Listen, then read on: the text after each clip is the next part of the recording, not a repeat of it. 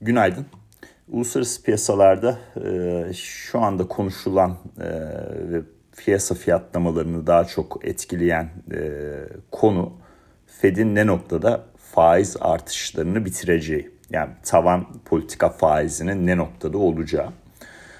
Ee, geçtiğimiz hafta daha çok yani tüfe verisinden sonra daha doğrusu e, Aralık ayı freni konuşulmuştu. E, ama e, bu haftayla beraber daha çok e, ne noktada e, politika faizinin tavan olacağı konuşuluyor. Şimdi bu tabii e, şu açıdan değerlendirilmeli. Tavanın konuşulmaya başlaması demek aslında faiz artışı sürecinde de sona doğru yaklaşıyoruz noktasına çıkar diye düşünüyorum. Çünkü bir şey e, tavan olacaksa yani ve tavan olma sohbetleri daha çok artıyorsa demek ki hatırı sayılır bir e, faiz artışı yapılmış ve bunun e, etkilerini daha iyi e, görmemiz lazım noktasına bize getiriyor bizi getiriyor.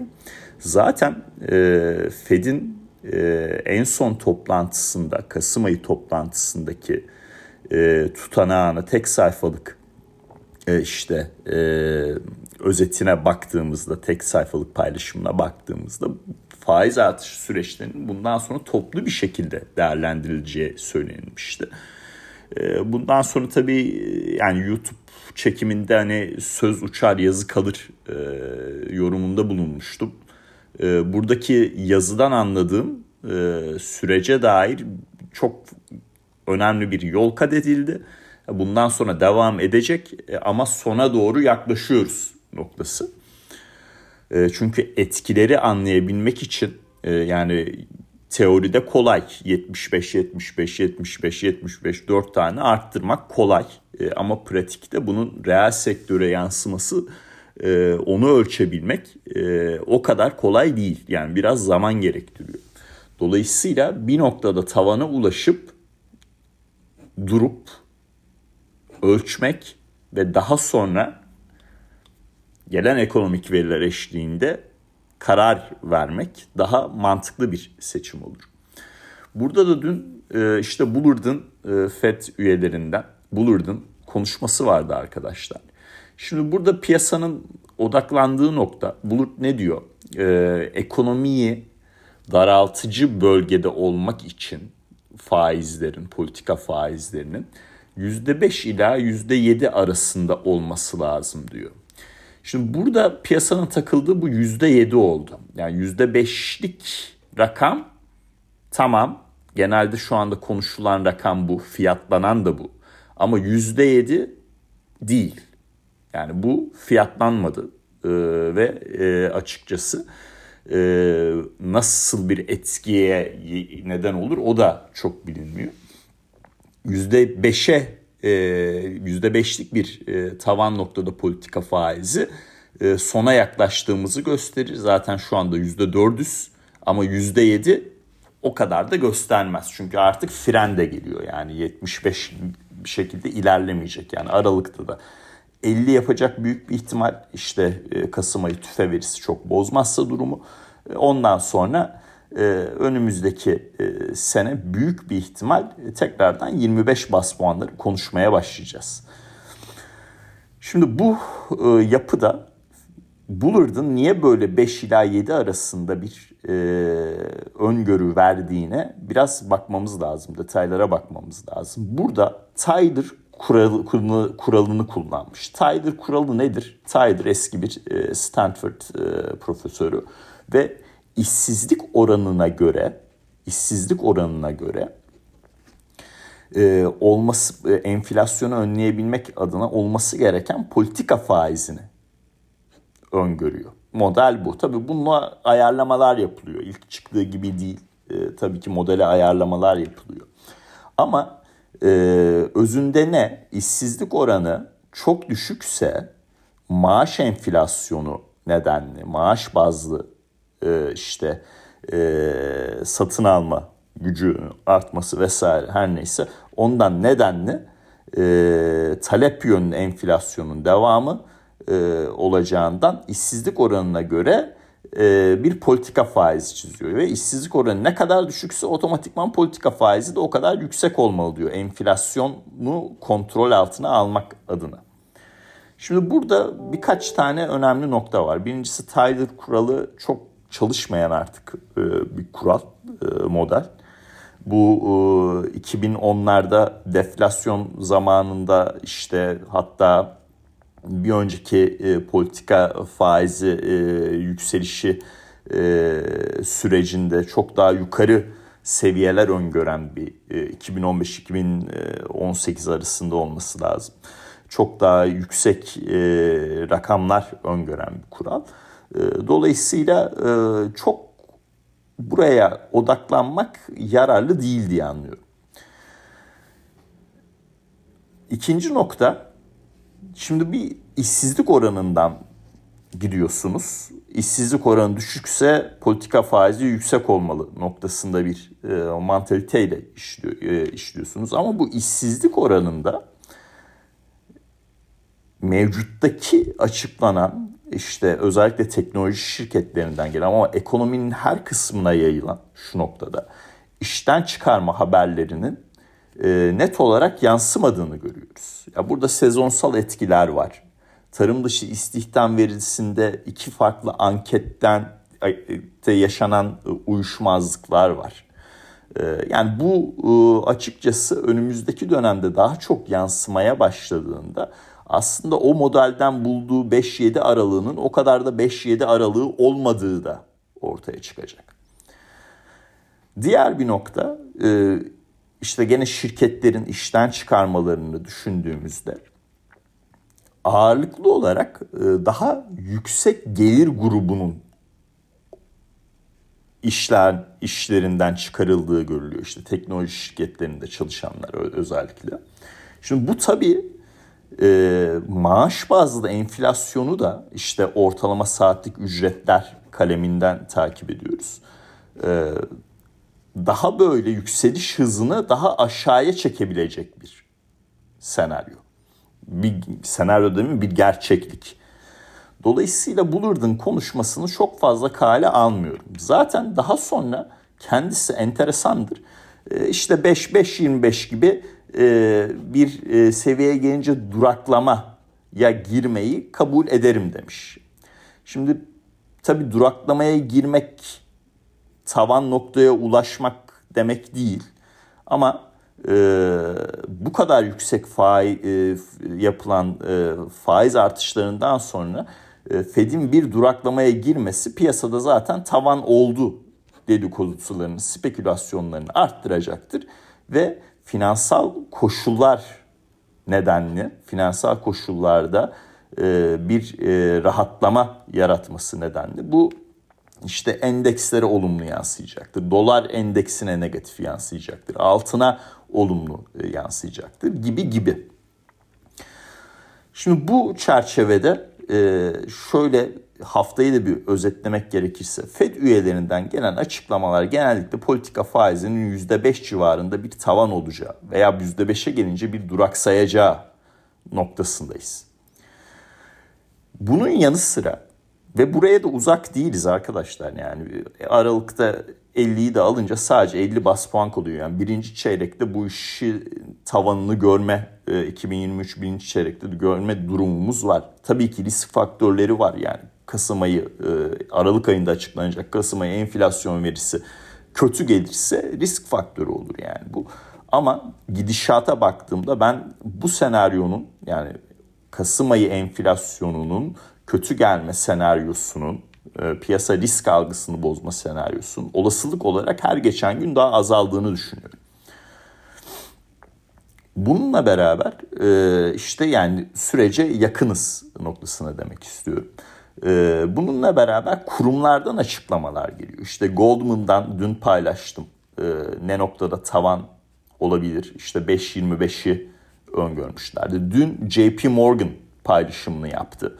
Ee, o da %5 civarı bir tavan nokta bekliyor. Yani genel konsensus FED üyeleri konuşmaları ve e, işte yatırım bankaları tarafına baktığımızda 100 e, bas puanlık bir faiz artışı sonrası veya 125 bas puanlık bir faiz artışı sonrası ki bunun 50'si cepte zaten Aralık için e, bu işin duraksama periyoduna gireceği ve tavan nokta olduğuyla ilgili görüşlerin artabileceği şeklinde. En büyük risk faktörü hala açıklanacak enflasyon verileri. Şimdi bu çerçeveden değerlendirdiğimiz zaman ben açıkçası endeksteki olumlu görüşümü koruyorum. Zaten dün de e, S&P 500'deki gün içi harekete bakarsanız açılış sonrası işte 3910'ların altına geldikten sonra %1'lerin üzerinde bir satış edikten sonra kademeli bir toparlanma yaşadı. E, ve e, 0.3'lük bir düşüşle S&P 500 günü kapattı. Yani mevcut seviye e, 3910 4055, 4080 diyordum arkadaşlar. Ama 200 günlük ortalama normal olarak her gün aşağı geliyor. 4055 seviyesine geriledi. 200 günlük ortalama. 4055 3910 e, arasında işlemlerine devam ediyor. Ben bu 4055'in 200 günlük ortalamanın öncesinde 4080 olan rakamı test edileceğini düşünüyorum. Hatta üzerine bile çıkabiliriz. Yani dün işte gene bakıyorum e, bu gün içi satışlardan dönüşte kimler rol oynamış diye. Mesela yarı iletkenler endeksi %1'in üzerinde primli kapatmış. Bu olumlu. Mega sermayeli şirketlerde olumlu gidişat var. Dolayısıyla e, hani e, 3910'un altına götürebilecek şirketlerde daha iyi bir performans çok fazla görülmemiş yani ben o öyle anladım en azından e, resme baktığımda öyle özetleyeyim size. JP Morgan'ın bu e, işte e, tavan noktanın dışındaki öngörülerine de biraz değinelim. Yani 2023'te Amerika'da hafif bir resesyon öngörüyor. Bunun paylaşımını dün yapmıştık. Yani bunu, bu tarz şeyleri seviniyorum ya. Ya niye seviniyorum? Ya fiyatlama olarak hatalı çıkabilirim. Bu olabilir yani bu şey değildir. E, bu işin içinde olan bir e, yapıdır. Ama e, yani e, bir e, gerçekten e, daha böyle kapsamlı bir analiz yapıp paylaştıktan sonra işte e, hafif resesyon olmasını bekliyoruz. Hafif resesyon fiyatlaması şuydu. E, dolayısıyla 2022'nin içinde bu biraz daha fiyatlandığı noktasında 2023 ile ilgili JP Morgan hafif bir resesyon bekliyorum dediğinde bu beni mutlu etti. Çünkü bunu öncesinden söylemiştim. Hani bu tarz şeyleri yakalamak bence çok değerli. Yani yoksa euro dolar şuradan şuraya gidecek o da değerli. Kesinlikle yanlış anlamayın bu. Ama büyük resmi biraz daha görüp paylaşabilmek bence çok daha değerli. Burada da 1 milyon kişi kadar daha işsiz bekliyor. Şimdi bu 1 milyonun hesaplamasına da bakacağım. E, ama e, artı 1 milyon işsizin gelmesi yani işsizlik oranının 4,5 civarında bir noktaya götürmesi lazım. 4,5-5 arasında bir noktaya götürmesi lazım. E, dolayısıyla e, hafif resesyon noktasına da biraz daha inline olan diyeyim İngilizce'de e, hafif resesyona paralel bir e, şekilde e, bir işsizlik oranında gündeme gelecek. Eğer tabii bu politika faizi 5'lerde olmayıp o dediği gibi 7'ler vesaire konuşulursa işte o çok hafif bir resesyon olmaz. İşsizlik oranında bu noktalarda olmaz. İş, isti, iş, işsiz kalanların sayısı ekstra 1 milyondan çok daha fazla olur arkadaşlar. Durum bu. Şimdi buradan petrol fiyatlarına geçeceğim. Dün Suudi Arabistan e, biliyorsunuz en son OPEC kararında e, işte efektifde efektif olarak 800 bin varil günlük azalış açıklamıştı. 2 milyon varil bunun e, rakamı. Ama efektif olarak baktığınızda zaten Rusya çok da fazla şey yapmadığı için kotasını dolduramadığı için 800 bin varillik bir rakama denk geliyordu. Buna rağmen petrolde 92 Brent petrolde 92 dolar e, işte 50 günlük ortalamanın altına kaydık. 90 dolarlara geldik. Şimdi burada ben sürecin devamını bekliyorum. E, yani kısa vadede 88 dolara kadar gerileceğini düşünüyorum. E, dünkü paylaşımda o hafif resesyonu 2023 ile ilgili olarak hisse senedi piyasasının 2022'de iyi kötü fiyatladığını söylemiştim. Ama petrol tarafı hiç fiyatlamadı bunu. Dolayısıyla burada düşüşlerin hiç demeyeyim çok daha az fiyatladı. Dolayısıyla e, burada düşüşlerin devamını bekliyorum. Bir diğer önemli nokta e, euro dolar kısmı. Arkadaşlar 1.0350'nin üzerinde kaldığımız süre zarfında 1.0420 denemesini bir kez daha yapacağını düşünüyorum. Hatta onun üzerine çıkarsa 1.0550, 1.06 bölgesi de söz konusu olabilir. Ancak şöyle bir durum var. Şimdi bugün 11.30'da Lagarde da konuşacak. Ee, orada muhtemelen gene 50 bas yani işte 75'ten 50 bas puana e, gerileme falan bunu biraz daha öne çıkartacaktır. Daha da önemlisi e, dün Avrupa doğalgaz fiyatlarında çok sert bir hareket oldu. Yani eksi yüzde ondan e, eksi yüzde ikilere kadar bir e, toparlanma gerçekleşti. Biz Kasım'ın son iki haftası ve Aralık ayında muhtemelen muhtemelen Avrupa'da daha çok soğuyan havalar ve o stokların, doğal gaz stoklarının hızlı bir şekilde azalmaya başladığı bir periyoda gireceğiz. Dolayısıyla Euro açısından hem para politikası tarafında bir oluşum var şu anda frene basma durumu hem doğal gaz tarafından riskler oluşmaya başlıyor. Eğer 1.04.20'nin üzerine çıkıp bu belirttiğim 1.05.50 1.06 bandına gelirse muazzam bir e, kısa pozisyon açma fırsatı verecek. E, am, yani o kadar gider mi bilmiyorum ama tekrardan en azından dolar endeksi nedenli dolar endeksindeki gerileme e, işte düzeltme sürecinden bahsettim zaten bunu defalarca. O beklentimden paralel bir kez daha deneme yapacağını düşünüyorum. İngiltere tarafında işte e, ne derler e, bütçe konuşmaları oldu. Çok yani çok detay burada girersem 20 dakika daha konuşmam lazım. Özünde pound pozitif gelişme. İlk başta bu çok fazla öyle algılanmadı. Gün içi satış yedi. Ama şu anda tekrardan 1.19'un sınırlarındayız. Yani burada bir 1.20 denemesinin daha olacağını, 1.20 deneneceğini e, düşünüyorum açıkçası. Altınla ilgili görüşümü biliyorsunuz. Tekrardan yenilemeyeceğim. Hani 1770 üzeri kapanış, 1800-1805 e, bölgesi ne kadar bizi götürür. 1770'in ee, üzerine atamadığımız sürece de 1740-1750'ye geri dönme olasılığı var. Ee, bu bölgeler bir alım fırsatı olarak değerlendirip tekrardan yukarı yönlü e, hareket e, değerlendirilebilir diye düşünüyorum. Ee, bunların dışında arkadaşlar çok haber var. İşte e, Kuzey Kore'nin bomba atmasından tutun falan filan. Yani bunlar çok piyasalar için şu anda çok önemli değil. Öyle söyleyeyim. O füzesi müzesi çok önemli değil. E, piyasa şu anda Çin hisseleri pozitif fiyatlamaya devam ediyor. Dün Alibaba e, da bilançosu sonrası %7 yükseldi ki bilanço muhteşem bir bilanço değildi. Ona rağmen %7 yükseldi. Bugün JD.com'un bilançosu var seans öncesi. E, dolayısıyla Çin hisselerinde bir süre daha o yükseliş beklentimi söylemiştim. Devamının gelmesini bekliyorum. Goldman da benzer bir e, öngörü e, paylaşıyor e, zaten konuyla e, ilgili olarak. Yani kesin atladığım bir şeyler vardır e, ama e, bayağı da zaman olduğu için e, bu noktada kapatıyorum. E, Cuma günleri e, böyle sizlerle detay bilgi de paylaşmak istiyorum. E, şöyle bir detay bilgi paylaşayım. Okuduğum kitaplardan vesaire hoşuma giden şeyleri paylaşıyorum. Şu anda Çip Savaşı diye bir kitap okuyorum. Yani gerçekten çip endüstrisini anlamak istiyorsanız muazzam bir kitap. Ee, yani bakalım FT'nin 2022'de e, en iyi iş kitapları Financial Times'ın en iyi iş kitaplarında kısa listeye kaldı. Bakalım ödülü alabilecek mi? Ee, merakla e, takipteyim onu. Burada iki biliyorsunuz pandemi sonrası araç üreticilerinde ciddi bir çip krizi yaşanmıştı. Yani çünkü X bir araç üreticisinin yani kullandığı aracı, araçta kullandığı çip sayısı bayağı fazlaymış. Binlerce vesaire neyse.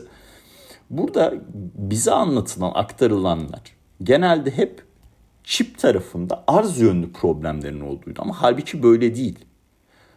Yani 2020 ile 2021'i kıyasladığınızda hatta e, 2021'de o yaşanan çip krizi noktasında e, daha çok e, çip üretim miktarının totalde arttığını görüyorsunuz. Aslında araç üreticileri işte bu e, mevcut zamanda üretim mi diye e, şey yapılır, e, Türkçe'ye tercüme edilir. işte just in time, anında üretim e, mentalitesi ve çok az bir error, hata paylarının olmasından nedeniyle ilk pandemi vurduğu zaman çip satın alma noktasında birçok e, siparişi iptal etmiş ve bu siparişler özünde farklı alanlara kaymış. Yani PC işte e, bilgisayardır, tablettir, şudur, budur.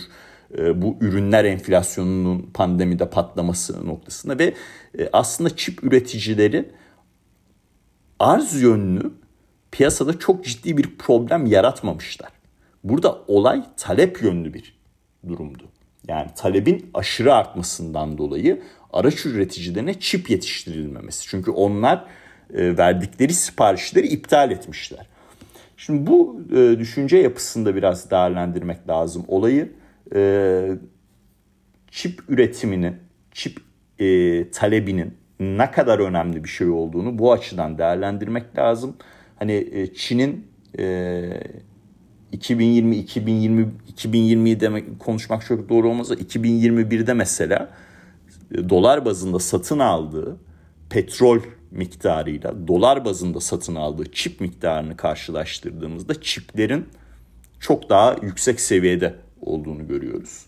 Özetle bu yapay zeka ile ilgili olarak bir paylaşım yaptığımda yapay zekayı yeni elektrik olarak e, sizlere aktarmıştım. Kitapta da öyle yazıyordum. Onu aktardım zaten. Bayağı hoşuma gitmişti çünkü. Bu kitapta da çiplerin, çip üretiminin e, aslında yeni petrol olduğu belirtiliyor. Bu da çok beğendiğim bir e, tanımlama oldu. Bunu aktararak e, bugünkü paylaşım ve bu haftaki paylaşımların da sonuna gelelim. Dinlediğiniz için çok teşekkürler. Herkese şimdiden iyi hafta sonları dilerim.